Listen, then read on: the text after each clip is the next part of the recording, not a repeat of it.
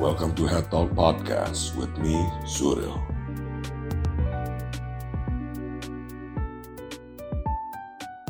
Be advised that this podcast is not for the weak of heart because this is a dangerous podcast for dangerous people. Hello and welcome to Head Talk Podcast with me, Suril. Apa kabar semuanya? Sudah lama ya kita nggak ngobrol bareng, alias guanya nggak jelas. Tapi em, sebelumnya gue pengen minta maaf sedalam-dalamnya ke kalian semua karena ya sudah ngilang. Habis itu tidak jelas gue nguploadnya yang sempat satu episode nggak jelas itu, which is ego. Dan kayak gue merasa bahwa pada saat itu gue kehilangan hati gue di Talk dan mungkin juga gara-gara gue udah capek banget tidak ada yang membantu gue gitu akhirnya gue kembali lagi sekarang um, dan gue akan usahakan untuk tetap stay di sini dan tidak pergi lagi gitu kan. Daripada gue bacot terus minta maaf. Untuk season terbaru ini kita akan memulai episode pertamanya dengan sebuah conversation dengan seorang yang cukup menarik dan juga nan baik Cia, nan baik tentang toxic relationship. Toxic and abusive relationship sih, to be honest. Tanpa disadari kita sering kecemplung lah di dalam sebuah toxic and abusive relationship gitu. Dan terkadang pun juga kita tanpa kita sadari kita pelakunya. The notion of toxic relationship tersebut terkadang terjadi yaitu dia di bawah alam sadar gitu. Dikarenakan kebiasaan dan lain-lain. Maka pada episode kali ini kita akan membahas ini lebih dalam lagi, terutama dengan seseorang yang jauh lebih profesional daripada gua. Well, tanpa gua banyak bacot lagi, banyak you know ngeluarin suara-suara aneh, let's stop talking and go to our head.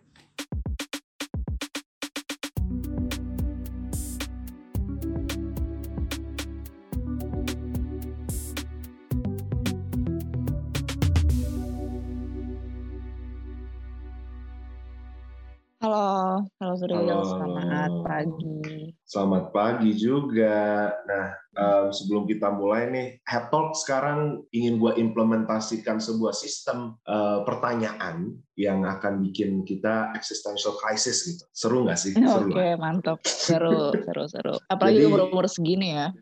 Eh, eh, dong, pasti dong. Kan takut jadi dewasa gitu kata orang-orang. Nah, mungkin pertanyaan pertama dari gue adalah, kita mulai dari who are you? Ya, halo, halo Zuriel, selamat pagi. Halo teman-teman semua, Eh, para pendengar Head Talk. Pertena- Perkenalkan, nama gue Yasinta Farah Kaneratri, bisa dipanggil Farah. Eh, gue 22 tahun, gue baru saja lulus, yeay, selamatin aku. Tapi gue belum wisuda, ntar gue bulan depan gue wisuda. Udah kali ya perkenalannya, segitu aja.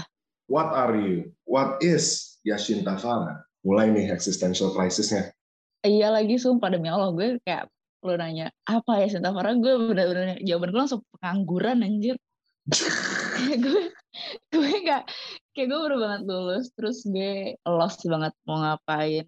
Gue uh, currently cuman ini sih kayak baru menyebar CV dan mendaftar kerja karena gue butuh duit ya. Kita Tentu. uh, kita dari mahasiswa ke alumni itu kita tidak- tidak punya duit ternyata pemerintah semua. Jadi ya begitulah. Kalau ada yang punya kerjaan boleh loh ya kasih ke gue Ya jadi podcast ini Mencari sebenarnya kerja. dibikin buat lelang kerjaan ya untuk Kak Farah. Benar. Eh, Tolong ya untuk yang punya kerjaan, punya lowongan. Ini saudari Farah sedang menebar apa jaring untuk mencari pekerjaan gitu. Kemudian pertanyaan terakhir untuk introduction ini, why are you? Why are you ini sebenarnya mempertanyakan kenapa kakak exist, I guess ini lebih ini baru sih pertanyaan yang menyerang existence kayak what do you want to do in life and basically kayak why do you exist gitu gila dark banget langsung pertanyaannya Sumpah. Ini kayak jujur gue nggak siap sih untuk pertanyaan ini. Kayak gue nggak expect lu nanya ini. Eh gue walaupun gue lost sekarang ya, tapi gue merasa bahwa tujuan hidup gue di dunia ini adalah eh, membantu banyak orang yang tidak punya ilmu yang kebetulan eh, gue punya privilege untuk mengerti itu. Maksudnya gue punya privilege untuk mendapatkan ilmu itu dan banyak orang di luar sana yang menderita karena tidak tahu tentang ilmu yang gue tahu tugas gue adalah uh, menebar ilmu uh, kemudian akan menjalani hidup yang lebih baik gitu dark ya pertanyaannya sangat langsung menyerang batin eksistensi. Iya. Artinya kita sudah siap untuk masuk ke dalam inti dari episode ini. Kali ini kita akan ngomongin apa sih kak? Kalau saya boleh nanya pop quiz Ke, agak agak agak kebalik enggak sih pertanyaannya? Hari ini kita akan uh, ngobrol-ngobrol tentang toxic relationship. Nah sebelumnya gue boleh ini enggak sih gue boleh uh, menyampaikan suatu pendapat gak sih Zuril? Uh, jadi sebenarnya uh, gue tuh sangat berterima kasih Head Talk masih mau membahas tentang isu ini. Karena gini uh, gue menemukan banyak sekali sekarang ya terutama di TikTok sebagai platform yang banyak digunakan oleh orang-orang ya sekarang itu term-term dalam toxic relationship yang kayak uh, gaslighting, terus uh, red flags, terus kayak uh, abuse, terus mental health itu uh, sekarang tuh jadi diber, dibercandain sama orang-orang dan dilabel sebagai bahasa jaksel yang uh, di mana menurut gue itu uh, memang gini, memang banyak orang-orang yang kemudian misuse term-term itu. Kayak uh, mereka tidak menggunakan istilah-istilah itu dalam konteks yang benar sehingga orang-orang menjadi meh apaan sih itu? gitu. Nah, tapi menurut gue bagi lu untuk uh, kemudian melabel itu sebagai istilah yang dalam tanda kutip lebay atau kayak oh itu cuma pembahasan anak jaksel aja menurut gue itu juga salah gitu. Karena itu gimana pun juga term yang dipelajari oleh saintis gitu kan. Itu kan istilah ilmiah yang uh, muncul berdasarkan penelitian dan untuk lo kemudian mengejek itu dan melabel itu sebagai hal yang uh, lebay itu menurut gue sangat-sangat tidak baik gitu. Dan gue sendiri sebagai uh, seorang penyintas dari uh, toxic relationship, gue merasa itu damaging loh untuk kami para penyintas ataupun korban. Karena kemudian saat gue membahas tentang hal ini di daily conversation sama orang-orang, orang-orang kemudian akan jadi kayak, uh, aduh, uh, enggak deh, kayak enggak percaya gitu loh. Zuril ngerti nggak sih lo kayak ada kan ya orang-orang yang tidak mempercayai hal-hal seperti ini just because ini dilabel sebagai pembahasan anak jaksel dan itu menurut gue sangat berbahaya gitu. Jadi uh, sebagai pembukaan, terima kasih ya Headlock sudah membahas tentang hal ini. Gue setuju banget sama apa yang Kak Farah bilang.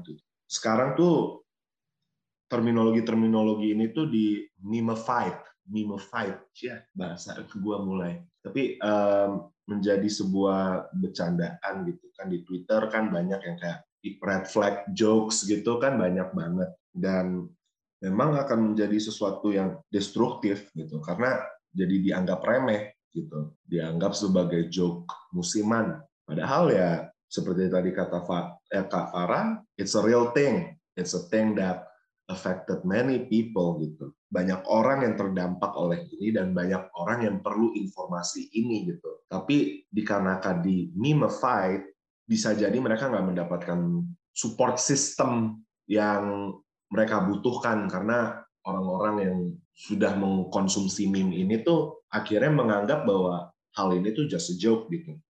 Mereka nggak ngambil itu seriously. Gue setuju sama pendapat Kavara tadi. Tapi kalau dari lu sendiri, gue pengen tahu deh, sebenarnya basic dari science red flag dari sebuah toxic relationship itu sebenarnya gimana sih kak? Mungkin berarti tidak uh, cirinya gitu ya, kayak apa yang harus lu lihat gitu ya? sebenarnya kan pada dasarnya ya toxic relationship itu apa pun perlakuan yang membuat lu tersakiti dan membuat lu rugi. Jadi pada dasarnya ya kita highlight, uh, kita underline kata-kata menyakitkan itu.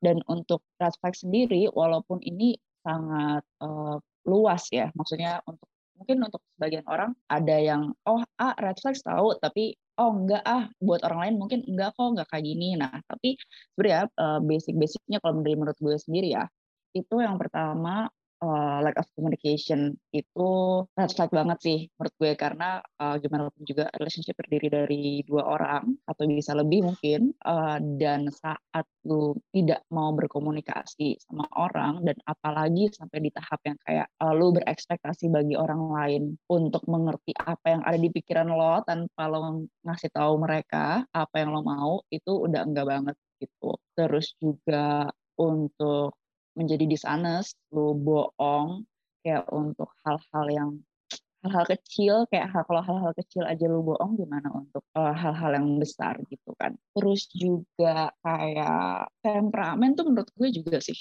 itu harus di uh, apa namanya lu harus bisa melihat uh, temperamen seseorang gitu. Kayak kalau misalnya dia tidak bisa mengontrol temperamennya sebenarnya itu juga menjadi salah satu uh, hal yang harus lu pertimbangkan gitu. Apakah kemudian dengan dia tidak bisa mengontrol temperamennya akan merugikan lo dan orang-orang di sekitar lo? Tuh terus kayak um, terlalu narsistik tuh apa ya bahasa umumnya yang kayak terlalu uh, narsis aja sih ya. narsis aja ya kayak yang ya. dia cuma mementingkan diri sendiri kayak uh, seakan-akan dunia berputar di uh, hanya around him or her gitu loh yang kayak semuanya kepentingan gue kayak um, mungkin yang misalnya lo cerita terus terus dan respons dia malahan oh ya gue pernah lebih parah daripada itu itu kan kayak sebenarnya juga suatu tanda-tanda anjir gue cuma mau ceritanya gue gak perlu lu membandingkan mm-hmm. dengan cerita lo gitu loh kayak lu kalau misalnya lu kayak gitu sama temen aja mungkin lu udah kesel kan ya gimana bayangkan jika pasangan lo yang kayak gitu itu sebenarnya tanda-tanda dari tidak menghargai uh, juga sih mungkin beberapa gue ya. Tapi gue yakin masih banyak lagi dan uh, depend on setiap orang juga gitu. Waduh, ada beberapa ciri-ciri yang gue waktu itu.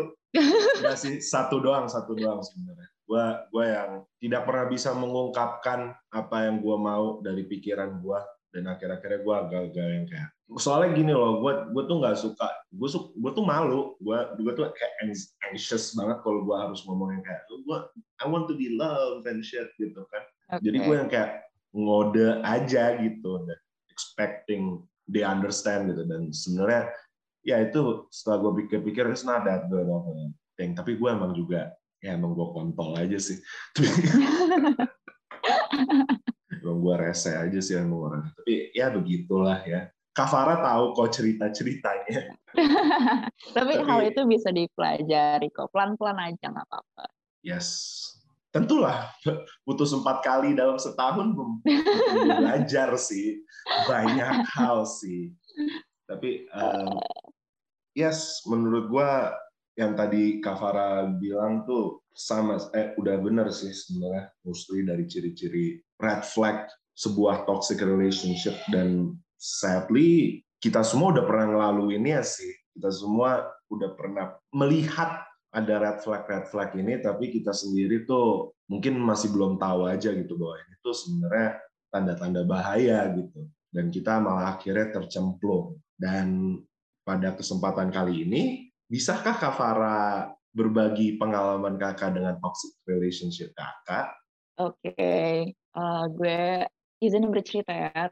Uh, jadi kalau uh, dari gue sendiri itu yang gue alami adalah emotional abuse uh, gitu lebih ke kena mentalnya gede banget ya gitu untuk uh, emotional abuse ini uh, mainly yang gue alami adalah silent treatment di mana kayak tiba-tiba mantan pasangan gue ini uh, kita lagi ada suatu permasalahan atau kita lagi berdiskusi tiba-tiba dia uh, ngilang. Dan ngilangnya tuh yang nggak kayak ya mungkin tiga jam enam jam masih wajar ya. Cuman maksudnya ini udah uh, berhari-hari dan dia datang-datang pun tidak berusaha untuk ngobrolin itu lagi gitu loh jadi uh, menurut gue ini sudah termasuk trend treatment ya karena gini kalau misalnya lu memang butuh space dalam artian kayak gue emosi gue lagi naik sekarang gue nggak bisa mikirin hal ini kalau misalnya gue tetap di sini akan menyakitkan bagi kita berdua, maka dari itu gue butuh waktu sendiri. Itu beda karena lu berkomunikasi dan lu memang bertujuan untuk menurunkan emosi lu. Nah, saat lu ngilang tanpa alasan, dan lu balik-balik juga tidak minta maaf atau apa pun itu, itu silent treatment. Dan gue mengalami ini itu uh, parah banget. Yang sampai yang bener-bener puncaknya dalam uh, relationship gue itu gue constantly di silent treatment in ini selama empat uh, bulan. Itu yang bener-bener parah banget ya itu peaknya. Nah tapi kalau misalnya lu nanya, oh berarti sebelum itu apakah nggak pernah? Jawabannya ya pernah juga sebenarnya, cuman nggak separah ini gitu loh. Dan uh, titik balik di mana gue sadar bahwa wah gue mengalami uh, gue berada dalam abusive relationship ya karena si periode empat bulan ini gitu.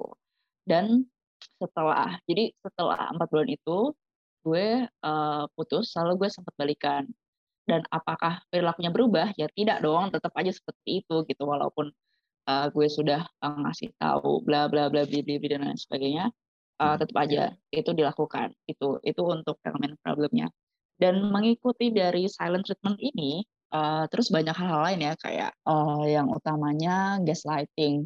Lu uh, nonton layangan putus nggak sih Zuril? Gue nggak sih tapi gue liat di TikTok. Nonton dong karena nyokap gue nonton Oke, gue gue tuh sebenarnya nggak nonton kan, gue cuma lihat yeah. cuplikan-cuplikan ya di TikTok. Nah itu yang terjadi saat si, aduh siapa nama tokoh perempuannya mah, yang baik. Putri Marino aja lah pokoknya paling cakep. Oke, okay, Putri Marino sama Reza Rahardian. Badai, badai, itu, badai. Ya.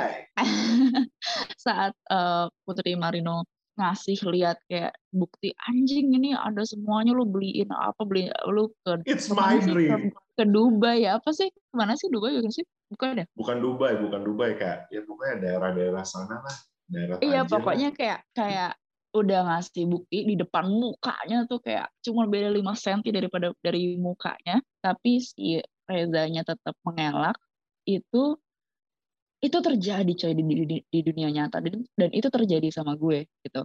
Even though permasalahan gue kebetulan bukan perselingkuhan tapi ya patternnya sama. Kayak uh, dia bohong terus uh, gue menemukan buktinya. Kayak gue taruh nih bukti dia depan mukanya dan dia mengelak gitu.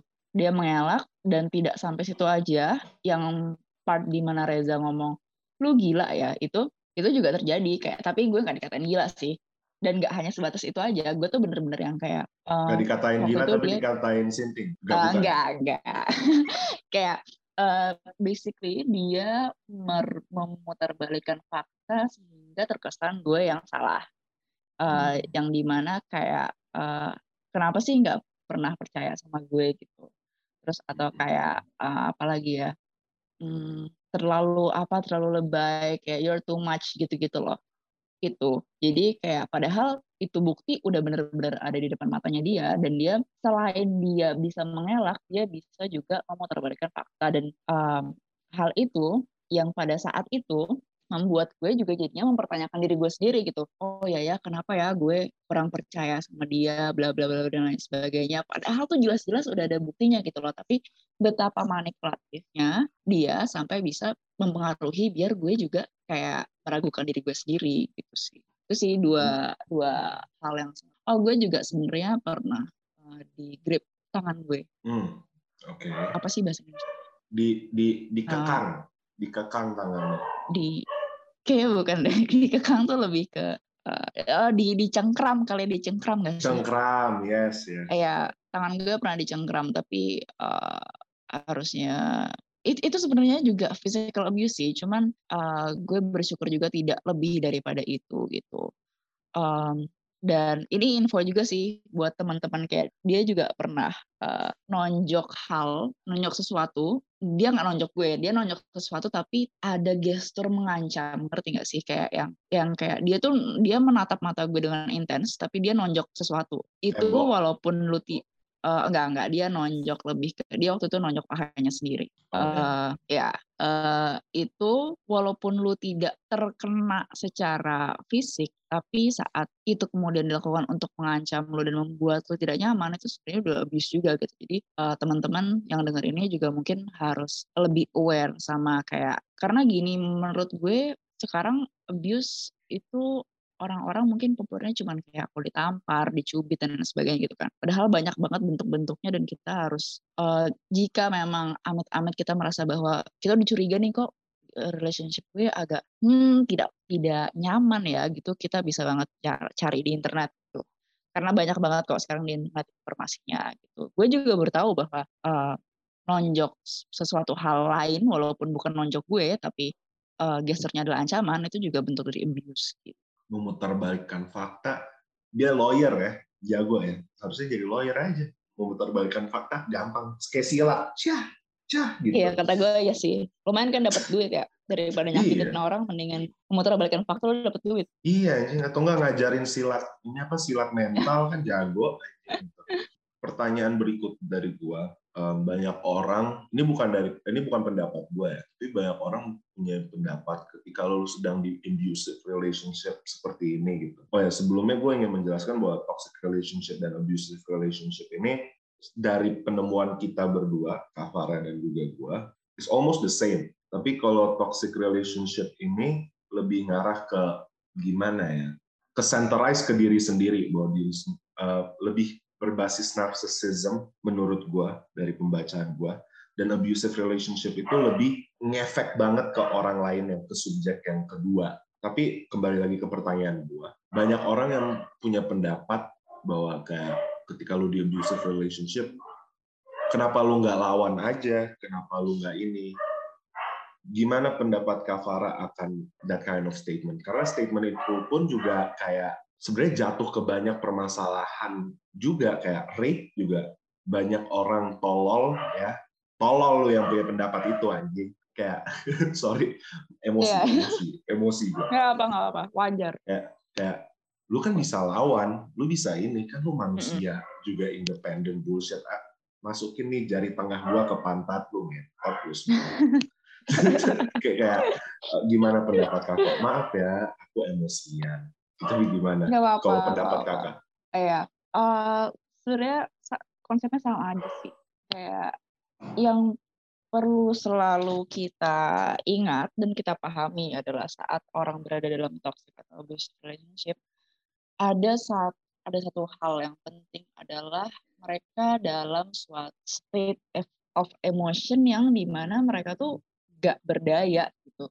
Uh, apalagi kalau misalnya mereka sudah dimanipulasi.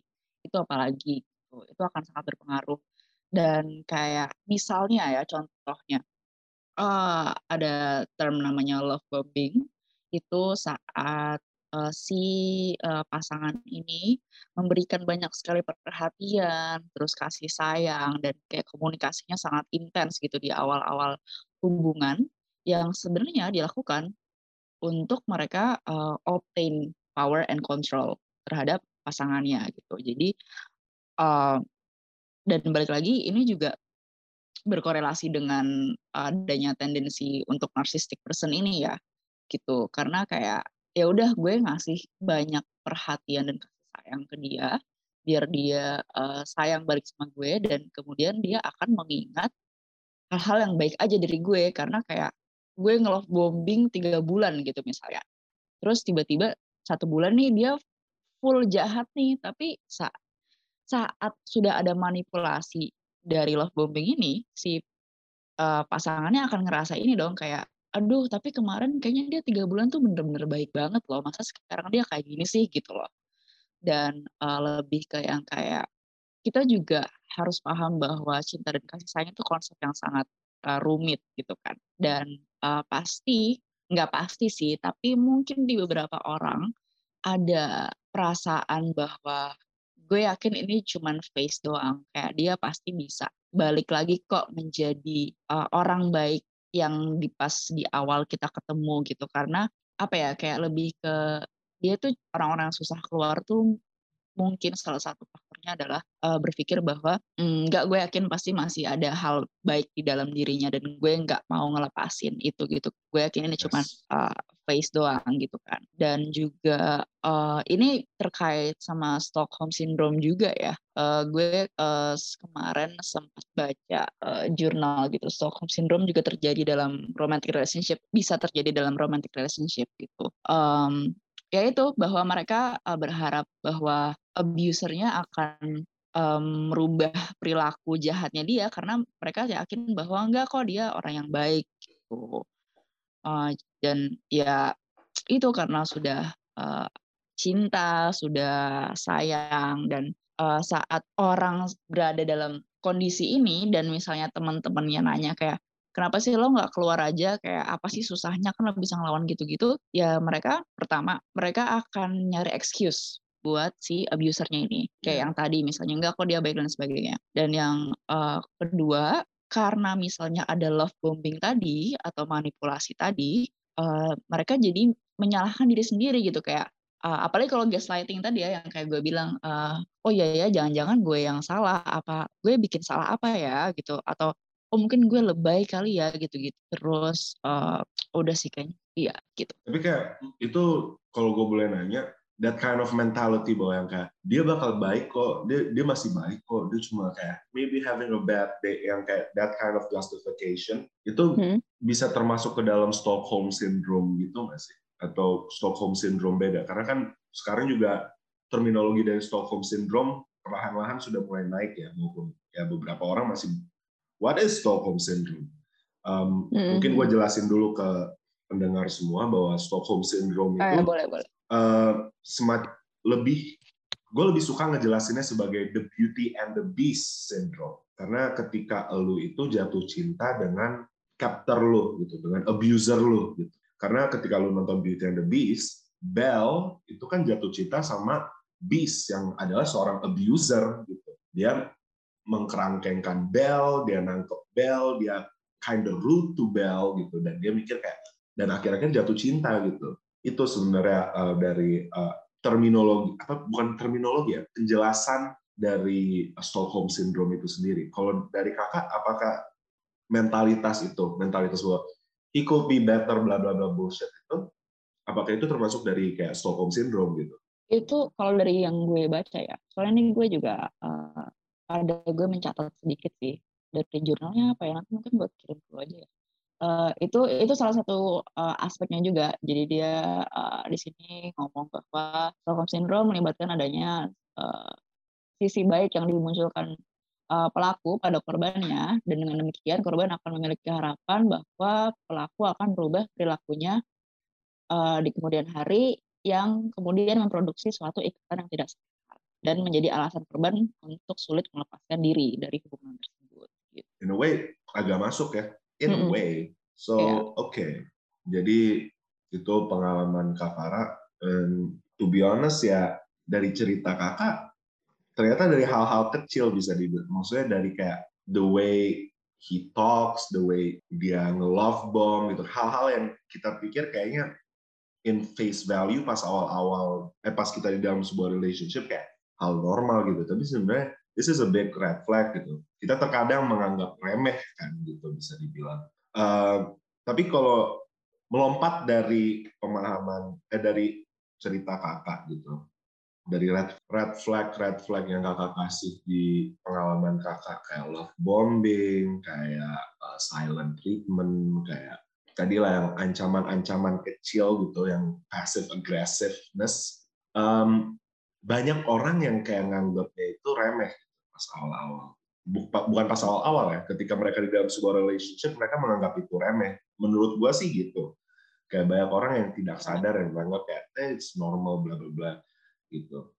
Menurut kakak kenapa sih kayak terlepas dari mimification ya dari red flag red flag itu menurut kakak gimana? Kalau menurut gua mungkin gua kasih pendapat gua dulu, tapi kayak menurut gua ya, ya gara-gara kultur romance yang ada di ya, masyarakat gitu, yang dibikin sama kayak media-media kayak film gitu, film romance, film, ya. film uh, lagu, lagu kayak kan gue beberapa kali ini uh, dengerin risahlah hati yang apa yang hidupku tanpa cintamu hmm. itu kan yang kayak hmm. ada lain yang ku harus milikimu yang nah itu tuh kayak menurut gue kayak dari media yang kita konsumsi pun gitu menormalisasi this kind of abusive yeah. behavior gitu kayak lagu Natal aja yang kayak I really can't stay baby it's cold outside and baby it's cold outside aja itu itu kayak beneran rapey banget men lagunya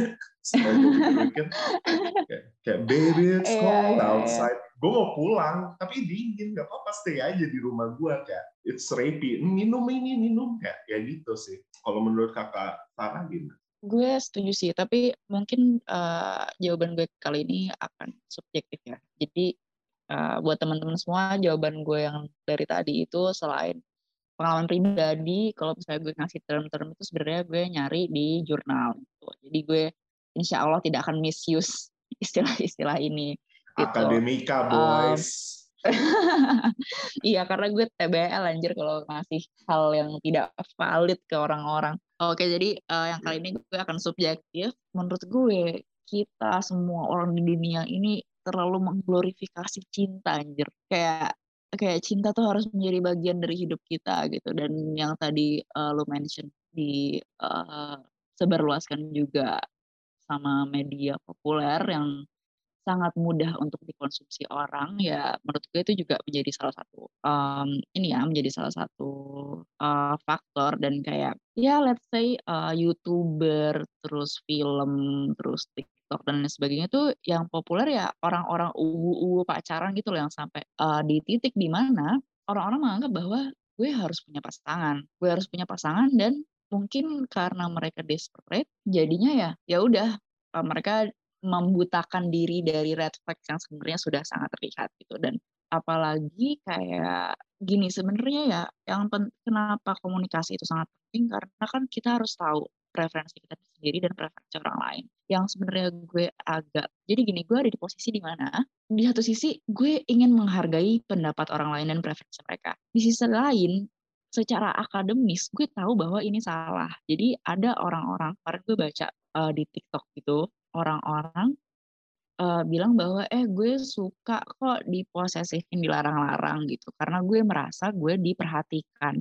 Nah kayak gue sebenarnya pengen ngomong agak hmm, GWS mungkin kamu uh, tumbuh di keluarga yang kurang memberikan kasih sayang. Itu kan maksudnya ya bukannya gue gimana gimana sih tapi maksud gue itu menjadi salah satu salah satu faktor juga loh. Kayak kita menjadi abuser atau kita menjadi victim uh, sekarang itu bisa dipengaruhi oleh bagaimana kita dibesarkan dalam keluarga kita gitu uh, dan ya sebenarnya itu karena gini saat lu dibatasi aktivitasnya sama pasangan lo aja itu sebenarnya udah suatu bentuk uh, kekerasan gitu. Kayak mereka curiga apalagi curiga terus gampang marah terus ngancem dan sampai yang misalnya lu wajib Sherlock gitu itu sebenarnya sudah uh, tidak sehat. Kecuali memang ada uh, konsen di antara kalian berdua. Nah dengan orang glorifikasi hal ini sebenarnya jadinya ya bahaya juga menurut gue gitu. Dan uh, perlu kita ingat juga yang pertama gue ini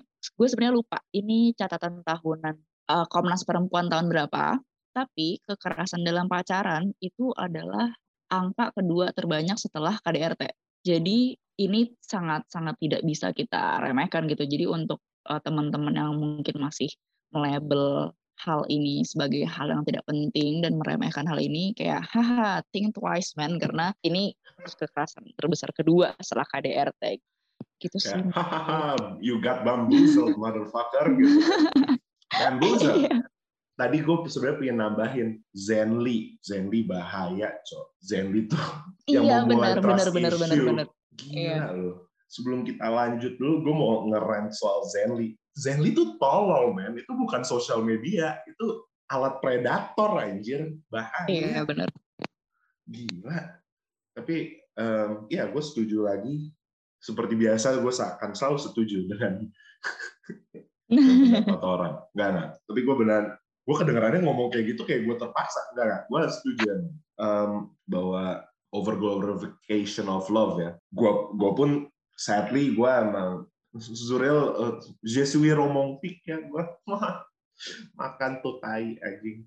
Tapi em, gue emang gue gue gue juga mengglorifikasi love tapi hope eh, thankfully dan hopefully gue nggak sampai yang kayak gitu sih yang kayak gue gue suka diposesifin gitu. Karena gue yang posesif haha plot twist enggak lah. Enggak gue gue gue gue memiliki lu yang pakai Zenly ya Enggak, gue gak pakai Zenly. Itu gue gue gak suka Zenly.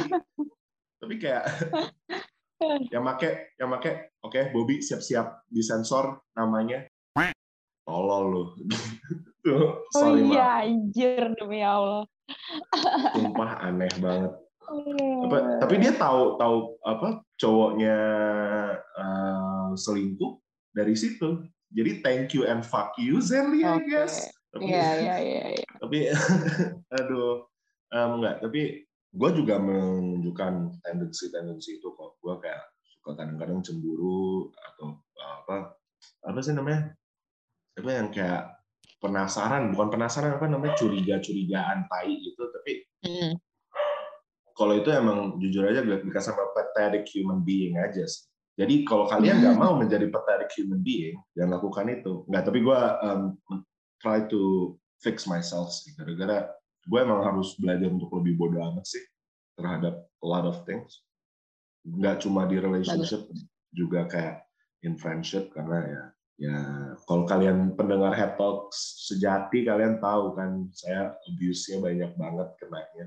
Jadi gue emang harus mulai belajar nggak peduli sih sama kata orang-orang.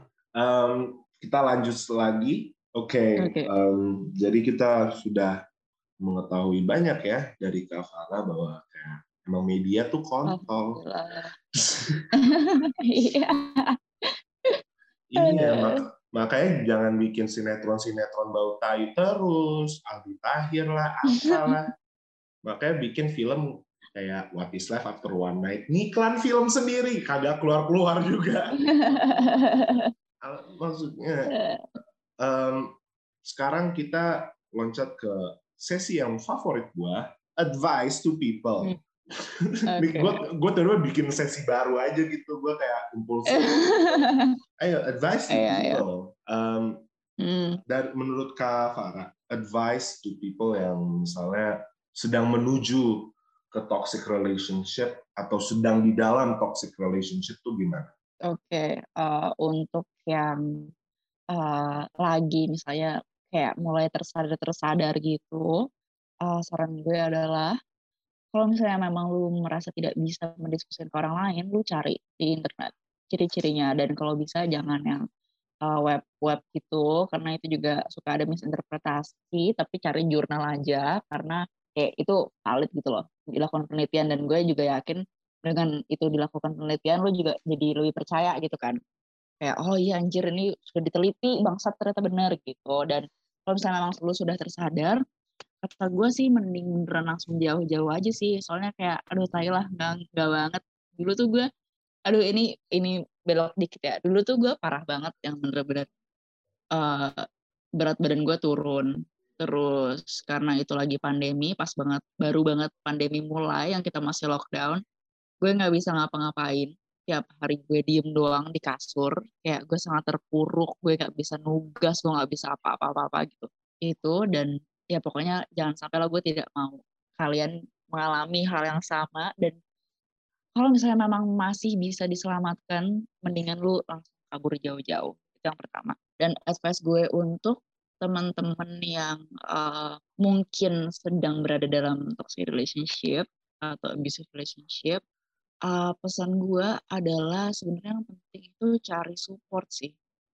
Cari support dalam artian gini, um, gue juga melihat bahwa orang sering banget uh, ngeluh kayak, hmm, anjing nih temen gue udah dikasih tahu berkali-kali tapi uh, tetap aja nggak bisa gitu kan. Dan uh, walaupun gue juga mengerti bahwa saat temen lu nggak mau dikasih tahu tuh pasti kesel banget gitu kan. Kayak gue juga pernah mengalami itu. Gitu tapi pun gue juga pernah dia mengalami menjadi teman tol yang tidak tidak bisa dikasih tahu ini gitu. Dan gue mengalami itu karena gue berada dalam kondisi yang di mana gue dimanipulasi sehingga gue tidak bisa sadar akan realita gitu loh. Dan kalau misalnya memang uh, lu merasa temen lu tidak bisa support lu gue saranin lu cari support yang lain gitu. Bukan berarti bahwa lu tidak mau berteman lagi tapi mungkin memang lu butuh professional help atau orang lain yang lebih memiliki kapabilitas untuk membantu lo karena saat lu cerita ke orang yang salah itu dan lu disalahin lagi kayak jatuhnya victim blaming itu lu akan bener-bener wah anjing lah pengen mati aja rasanya gitu loh Jadi menurut gue mencari uh, support yang pas itu sangat-sangat lu butuhkan. Jadi uh, kalau misalnya lu ngerasa sendiri, mungkin lu bisa mulai cari professional help. Kalau misalnya lu nggak punya uang, uh, kayaknya sekarang banyak deh yang kayak emang tidak bisa secara mendalam, tapi at least lu bisa cerita ke mereka gitu. Dan mereka akan suportif, nggak nggak kayak mungkin teman-teman lu yang belum mengerti tentang isu ini. Uh, dan yang kedua, belajar untuk fokus dan sayang sama diri sendiri sih. Kayak itu lu harus uh, tahu worth lu seberapa gitu. Uh, karena kayak emang prosesnya bakal lama banget sih. Dan ini sorry banget ya kalau gue terkesan sangat pede apa gimana, tapi itu gue berhasil keluar karena gue sadar bahwa anjing gue cakep, gue pinter, ngapain bangsat gue di sini diinjek-injek gitu loh. Yang kayak wah tai lah gue gue buang-buang waktu banget di sini gitu. Kayak gue bisa dengan gue fokus sama diri gue sendiri ya gue bisa banyak prestasi gue uh, seneng gue fokus sama hobi gue dan ya udah jadi kayak hal-hal yang selama ini ter tertelantarkan karena gue berfokus sama mantan pasangan gue saat gue berfokus pada diri gue sendiri itu kayak langsung wah anjir gue gue tuh suka banget nari ya ternyata gue bisa bikin 100 video dalam seminggu gitu loh. Kayak hal-hal yang udah lu spend banyak waktu aja sama diri lo sendiri gitu. Itu uh, penting sih bagi gue. Emang lama prosesnya kayak karena pasti lu bakal mikirin si pasangan lu mulu kayak aduh ya Allah ke mana dia aduh kenapa dia beginiin gue kenapa gue terpuruk kenapa bla bla bla bla tapi ada waktunya pasti lu bakal berhasil untuk uh, mementingkan diri lu sendiri dan saat itu uh, bisa lu dapatkan uh, gue yakin akan lebih mudah bagi lo untuk keluar dari uh, situasi ini. Begitu, Kak. Oh, begitu ya, Kak? Iya. Kak, aku nggak tahu, aku yakin. Uh, tapi tadi benar kata kakak, itu bukan narsisme, emang cakep, pintar kakak. Nggak usah, nggak usah sosok merendah deh lo. Terima kasih. Kesel gua, kesel gua. Nah, um, kalau dari Jabadahat ya, yaitu gua. Nah itu dia tuh, gue harusnya mencintai diri gue sendiri, tapi gue nggak bisa. Gue emang komedi brand gue self deprecation. Uh, apa ya?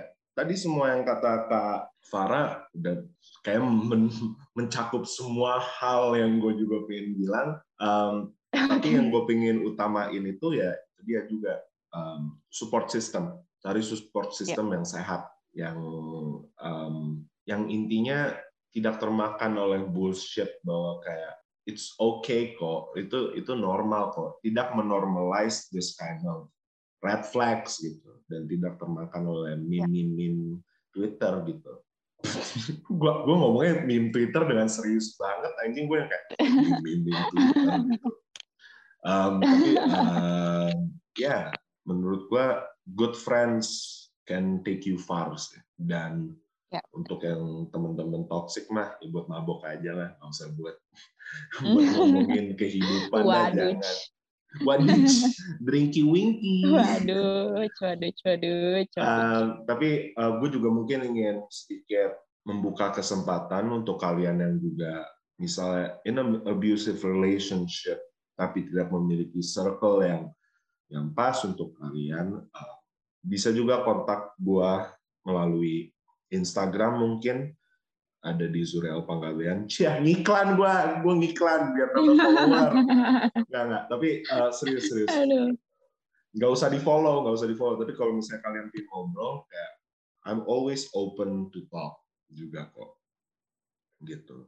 And we, uh, I will try to help you guys too, I guess. Tapi kayaknya kita sudah di penghujung uh, Monas. Cia, Monas. Tapi ya kita sudah di penghujung jalan ya. Um, sudah waktunya kita berpisah dulu. Mungkin ada sedikit yang Kavara ingin, um, I don't know, talk about again atau ada yang ingin kakak iklanin atau ada yang kakak ingin apa kayak gitu, jungkir balik gitu. Uh, sih, mungkin gue uh, ya berterima kasih aja sudah um, Zuril dan Head ngobrol-ngobrol sama gue hari ini.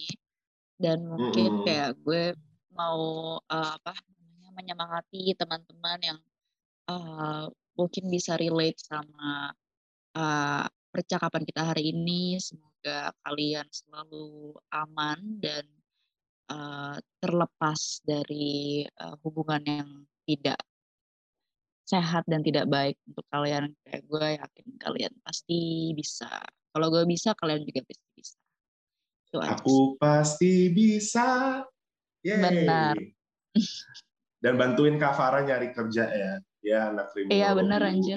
Tolonglah. Dia punya banyak prestasi, uh, bantuin dia lah ya uh, untuk mencapai kehidupan yang makmur di Iya, bismillah. Nikah ya guys, kalau ada yang amin. Ya, ya, tapi dia amin. punya cewek, aku nggak mau jadi pelakor. ntar, ntar kamu jadi layangan putus. ya dong ya, amit-amit jangan-jangan. Mas okay, Hendrik, bukan Mas Aris. gitu aja sih dari gue Suril. Oke, okay.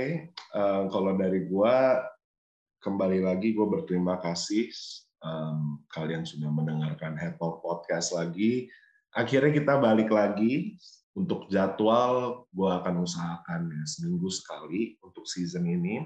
Tanpa support kalian, tanpa kalian mendengarkan podcast kami ini, gak bisa lah pokoknya. Gue benar nggak bisa tanpa kalian ngedengerin podcast ini, share podcast ini. Sungguh berterima kasih gue sedalam-dalamnya. Because this is a dangerous podcast for dangerous people. Jeritan orang-orang yang disingkirkan kepada orang-orang yang duduk di atas sana. A plea of the tomorrow people for us to move forward in the future. Dan juga manifesto jemaat penakluk masa depan. I'm Zuriel Hasar Pangabean, and let's stop talking and go back to reality.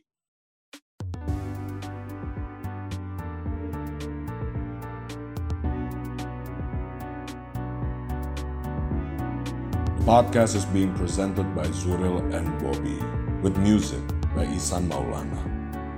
Thank you for listening.